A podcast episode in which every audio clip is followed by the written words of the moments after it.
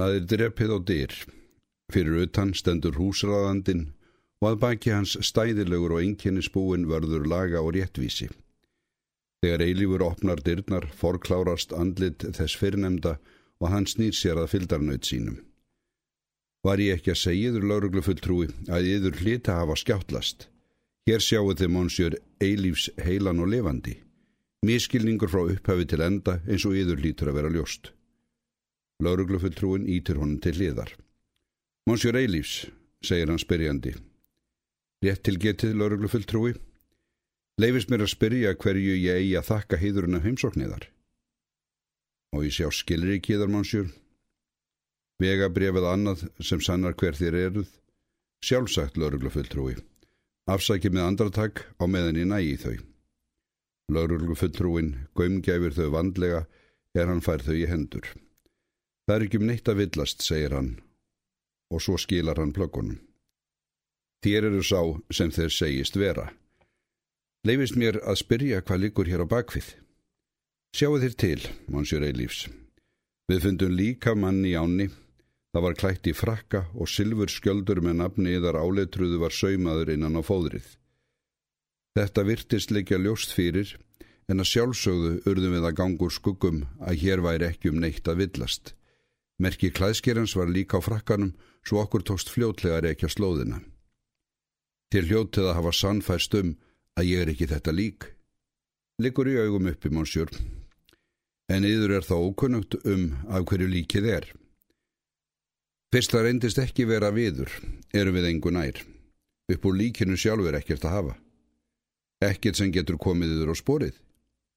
Aðeins þessi frakki með nafnskildunum yðar, Líki sjálft var í mjög slæmi ásikommulagi, en þó er augljóst að það er að kripplingi.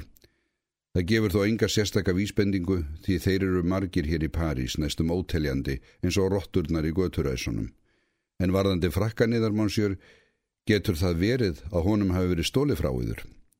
Ég get gefið þau skýringu á honum lauruglufylltrúi. Honum var ekki stólið. Ég gaf hann. Fyrir nokkru rakst ég á einn af þessum vesalingum og þó þeir séu ekki óalgeng sjón getur stundum gripið mann meðöngun þegar þeir verða á vegimanns. Eitt hvað ég ætti við slæma samvinsku, þið skiljið. Hvað um það, ég fór úr frakkanum og klætti þennan garmi í hann og auðvitað glemdi ég nafnskildinum lítur út fyrir að þetta hefur reynst tilgangslí til góðgerðastarsemi. Viti þér nafnans, monsiur? Hann kynnti sig ekki og ég spurði hann einskis. Ef ekki séð hann, svo ég viti, korki fyrir en ég síðar. Ég klætti hann bara í frakkan og taldi mig hafa unnið líknarverk. Annað var það ekki. Þakkaður fyrir, monsiur Eilífs. Þetta liggur þá ljóst fyrir. Einum umkomuleysingjanum færra í veröldinni. Engin ástæð til að gera veður út af svo hverstagslegum atbyrði. Hér er nafnskjöldurinn í þar monsiur, en frakkin í þar er ekki nótæfur lengur. Afsakið ónæðið, verið þér sælir. Demónin um það er ekki neitt að villast. Var það þessi hugmynd sem kallaði fram glottið á afskræmdu andliti hans þegar hann létt klæða sig í frakkan ljúur eins og barð sem fær nýja flík. Um kvöldið verður eilífi tíðliti til myndarinnar af heilagri matonu á arinhillunni. Það er á henni raunalegur friðleisis svipur eins og hann að klægi bakið og ná ekki til óværunar. Nú er ekkert því til fyrirstöð að varpa því í eld sem þar er geimt. Það er nánast af bríari að hann fer að glugga í þessa skítugu snepla áður en eldurinn eyðir þeim. Það reynist engin hæðarleikur að klóra sig fram úr því sem á þeim stendur en þó kemur þá á daginn að þessar torlæsu rúnir eru nánast í ætt við ljóð. Formið er þó æri löst í reiponum og vafalöst er merking þeirra ámóta fjärstæð og annað sem höfundur þeirra let sér um unn fara. Samt er ekki langt komið í lestrinum þegar áhugin vaknar og eftir því sem gluggaðir dýpra í innihaldið grýpur það lesaran þeim tökum sem ekki verða hrist af sér. Allt er þetta í brotum og brotabrotum og enga heila brú að finna, myrkur yfir öllum vötnum en þó styrnir kvarvetna orð og setningar sem kljúa sortan eins og bláar og kvítar eldingar. Það er eins og að vera stattur í frumskói, flæktur í viltum óbeisluðum gróðri sem næstum ofbýður skinnfærunum með annarlegu litrófi og veldur flökurð þegar ramman áfengan ilmans leggur fyrir vit. Samt getur hann ekki slitið sér lausan en les og les eins og lostinn galdri og það er liðið langt á nótt þegar þessi myrkviður er loksins að baki og hann skinjar stað og stund. Laus við þennan álaga ham í bráð stingur hann blöðunum niður í skúfu svo heilaga matonu þarf ekki að klæja lengur í bakið. Þvættingur frá upphafi til enda, eldsmatur, tímasóun að raða þessum brotum saman því úr þeim getur aldrei orðið annað en óskapnaður. En þrátt verið heitstreikingar að láta þau lönd og leið er honum ljóst að hann hlítur að sitja uppi með þau eins og uppvakning sem ekki verður kveðið niður og það líður ekki á laungu að það verður að ástríða kljást við þessa seiðskratta, raða saman orðum og hendingum, æg ofan í æg, með ólíkum hætti, breyta merkingum þeirra og formi, uns ekki stendur steinni yfir steini, bræða og móta upp aftur og aftur. Engin skýring tiltæk á því hvers vegna hann let ánetjast þessum svartagaldri sem hrýs ekki hugur við að snúa fadirvorunu upp á fjandan í þeim tilgangi einum að klekja á almættinu. Nei, Svo sannarlega er hér ekki um að ræða innlegg í ágóðareikning alviskunar af höfundarins hálfu. En það er ekki hægt að sætta sig endanlega við þau reikniskil. Það lítur að finnast leið út úr þessum gluggalösa völundarhúsi út í heiðríkju dagsins. Hann er staðræðan í því að gefast ekki upp fyrir all brotin og spekli ömmunar hafa komið í leitirnar svo í þeim megi líta ævintýrið sem amman trúði á að allt væri fallegt sem Guð hefði skapað og endanum kemur að því að það byrtist í líkingu við þá mynd sem ímyndunaraflið er lengi búið að sjá fyrir sér. Brotinn úr speiklu ömmunar hafa öll komið í leitirnar og allt er hardla gott. Daginn situr hann svo með fullbúið handrit fyrir framann sig. Fegurðu lífsins íklætt skáldlegum búningi snirtilega fest á kvítan og veldan pappir verðskuldaður og ótvíraður sigur og það eitt eftir að fylgja honum eftir. En þá bregður svo við að evasemdapúkin lætur á sér kræla og þvælist fyrir endanlegri ákvörðun. Best að láta teningin segja af eða á. Brotinn og speiklu ömmunar kom upp, öðruvísi gata heldur ekki farið. Svo býr hann um handritið og skrifar utan á það til Alberts. Ísland Það er ekki um neitt að villast, en þó verður ekki varist þeirri hugsun fyrst í stað að hér séum um allt annað land að ræða, land sem er nýri ísið úr sjó, allskapað og byggt nýju mannlífi. En samt er þetta það land, er hann kvatti fyrir löngu þeirra erinda leggjundur sér heiminn og snúa fyrst heim að því loknu í gullvagni Sigurvegarans. Ef til vill er þeim áfanga náð þótt með öðrum hætti sé en ímyndunaraflið sá fyrir sér í hillingu mæskunar. Brotin og speiklu ömmunar hafa hitt í mark. Íslenska þjóðin hefur loksins eigna skáld sem skilur andlegar þarfir hennar og kröfur og svo sannarlega hefur hún orðið ráð á því að slátra alíkálfi til að fagna því er það snýr heimur auðleðinni.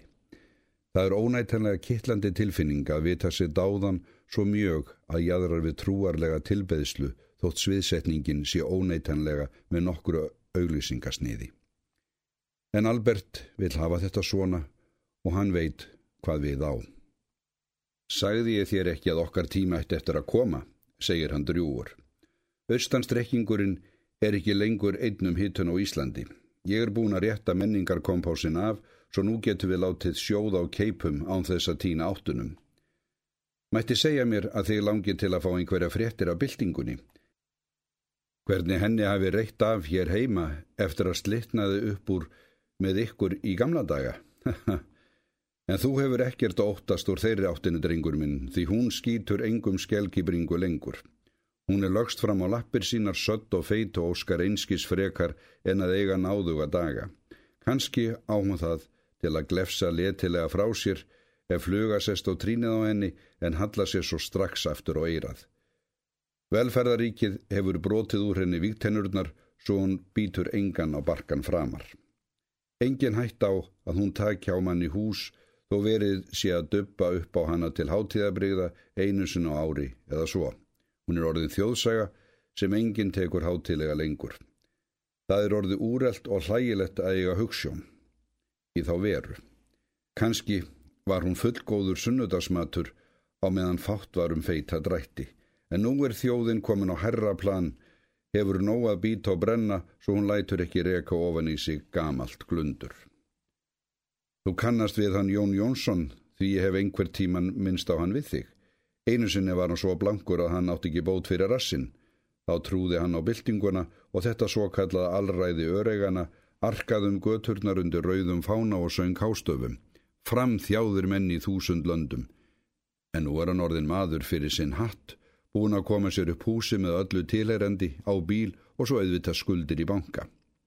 Vísasti vegurinn til að líta stort á sjálfan sig og halda sig mann með mönnum er að mega skulda í banka því það þýðir tiltrú á herri stöðum.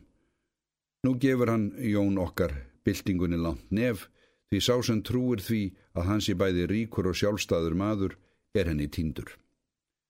Sá sem hefur ráðað því að geta yfir sig hvern einasta dag er orðin framsettur á hólífi og feitum steikum og fær fyrir hjartað ef hann reyfir sér spönn frá rassi á tveimur fótum er ekki lengur hættulögur. Hann er orðin nafli alheimsins í eigin ímyndun og nýtur þess að telja sjálfum sér og öðrum trúum að hans í orðin burðar ás þjóðfélagsins og sannar það með því að neyta sér ekki um neyn þau lífsgæði sem hægt er að kaupa fyrir peninga. Fegurðardýrkunin breyðist út eins og eldur í sinu og allt verður að vera í stíl, stílleysið líka. Svona getur Albert láti móðan mása þegar ságallin er á honum Hann er þó ekki tiltakanlega mælskur og honum liggur að jafnaði lágt rómur. En gæti hann sín ekki á röddin það til að sprengja þröngan farveg falsettunar verða skræk og fölsk. Það er hans upprunulega rödd en hinn tóntegundin er tilbúin og lærð utanað. Honum er ekkert um það gefið að gripi sér frammi fyrir honum í þeim tilgangi að slá hann út á læginu því þá getur það hend að hann misti í sig í hlutverkinu og hann er viðkvæmur fyrir vikslsporum að því tægi. Hann getur verið skemmtilegur, jafnvel umburðarlindur þegar því er að skipta, en oftar en hitt minnlegur, harðskektur og drotnunargjarn. Svo langt getur það gengið, þegar hann er við það heikarsornið, að það getur reynst erfitt að stilla sig um að grípa það sem hönd er næst og kíla í fjesið á honum. Þegar mestaglíjan er af augunum eftir heimkomuna, kemur æfleira í ljós sem stingur í stú við það sem var. Þar sem götuaurin var allsaráðandi er komið gljáandi malbygg. Nýjar risáar byggingar hafa sprottið upp eins og sveppir og líta niður á gömlu smáhísin sem enþá hnipra sig í skugga þeirra og býða þess æðrulaus að láta endanlega í minni pokan. Hús frænku er horfið og ekkert sem minnir á að það hafi nokkru sinni verið til. Skrautlegir bílar af nýjustu og dýrustu árgerðum bruna um göturnar eins og þeir einir eigi þar tilveru rétt. Munaðarvarningurinn í búðarglökunum býður sér falan og kaupendurnir láta ekki á sér standa. Tötralýðurinn er horfin af yfirborðið þessa nýja mannlífs eins og honum hafi verið sópað í sjó. Madurinn og konan á götunni hafa sniðið sér stakk heimsborgarans og bera hann með stolti og sjálfum gleði. Þeir sem eiga í sér nennu til að komast yfir peninga þurfu ekki annað en að rétta út höndina eftir þeim. Albert hefur rétt fyrir sér. Velferðaríkið hefur kveðið fornaldar samfélagi svo rækilega í kútin að það réttir ekki úr sér framar. Það eru þó ekki fyrst og fremst stakkarskipti umhverfisins á ytraborði sem einnkjana þetta nýja mannlíf heldur einhvernur orðið sem lifað er eftir. Hraðinn Það er hann sem stjórnar ferðinni og það eitt gildir að halda þeim takti sem hann slær. Sá sem dregst aftur úr segir sig með því úr lögum við framvinduna og enginn má vera því að lítum aukslega að láta sig varða örlög náungans. Hver og einn hefur nóg með það að elda upp í sinn eigin skugga. Þessi svimandi hraðis getur valdið þörf eftir einhverju stöðuleika takni til að viðhalda jafnvæginu en þau fáu sem hönd festir á reynast haldlítil og sveikul. Til að daga ekki uppi eða heldast úr lestinni er um það eitt að ræða að dansa þennan nýja vikivaka nóg og hratt til að fara ekki út af sporinu. Það er engin hörgull á viðmælendum og aðdáendum sem eru bóðnir og búni til að játa trú sína á bóðskap alviskunnar um fagurt og upphafið mannlíf. Í þeim hópi kann að bregða fyrir gamalkunnum andlitum í bland þótt flest séu þau orðin breytt og manneskjan þeirra önnur en hún var. Flest verða þau fljótlega kvimleið því þau halda sig ganga með aðgöngum eða upp á vasan sem heimili þeim að vera pláa í tíma og ótíma. Þegar öllur á botnin kvólt þau þólanlegri sem láta sig þessa vakningu engu varða og þekkja jafnvel ekki gamlan félaga lengur. Enda þóttu í það stundum til að verða fjandsamlega hávær og nærgöngul í þögsinni og afskiptaleysi. Af daglegri afkomu þarf ekki að hafa áhyggjur, svo er Albert fyrir að þakka, eins og allt annað. Hann hefur þegar til reyðu þokkalega launa starf sem gerir ekki íkjastrangar kröfur varðandi vinnutíma eða aðrar daglegar skildur. Bókmyndanleg vitavarðarstaða eins og hann kallar það eða eitthvað í þeim dúr. Hægri eða vinstri hönd hans eftir atvikum. Nei, það væsir ekki um það skáld sem hann hefur veðjað á. Hann dregur það ekki á langin að ganga eftir nýri ljóðabók og hún má ekki vera neitt blávatn.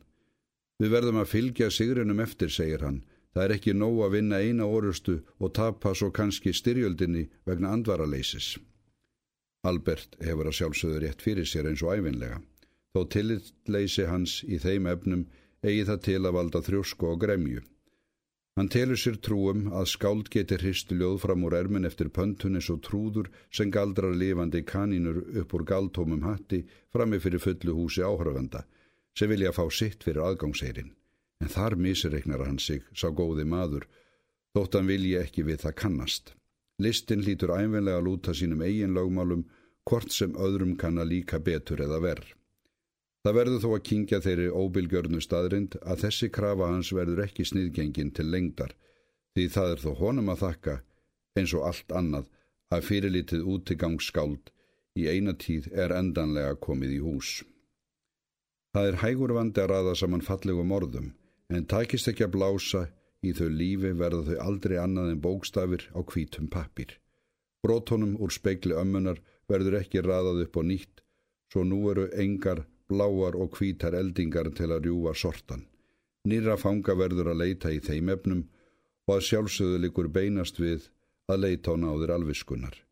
En hún á það til að vera þögul og fjarlæg eins og hún kunni ekki almennilega við lofslægið og hefi heimþrá söður í lönd svo endur teknir eftirgangsmunir í þáveru gefa oft sinnis lítið í aðra hönd.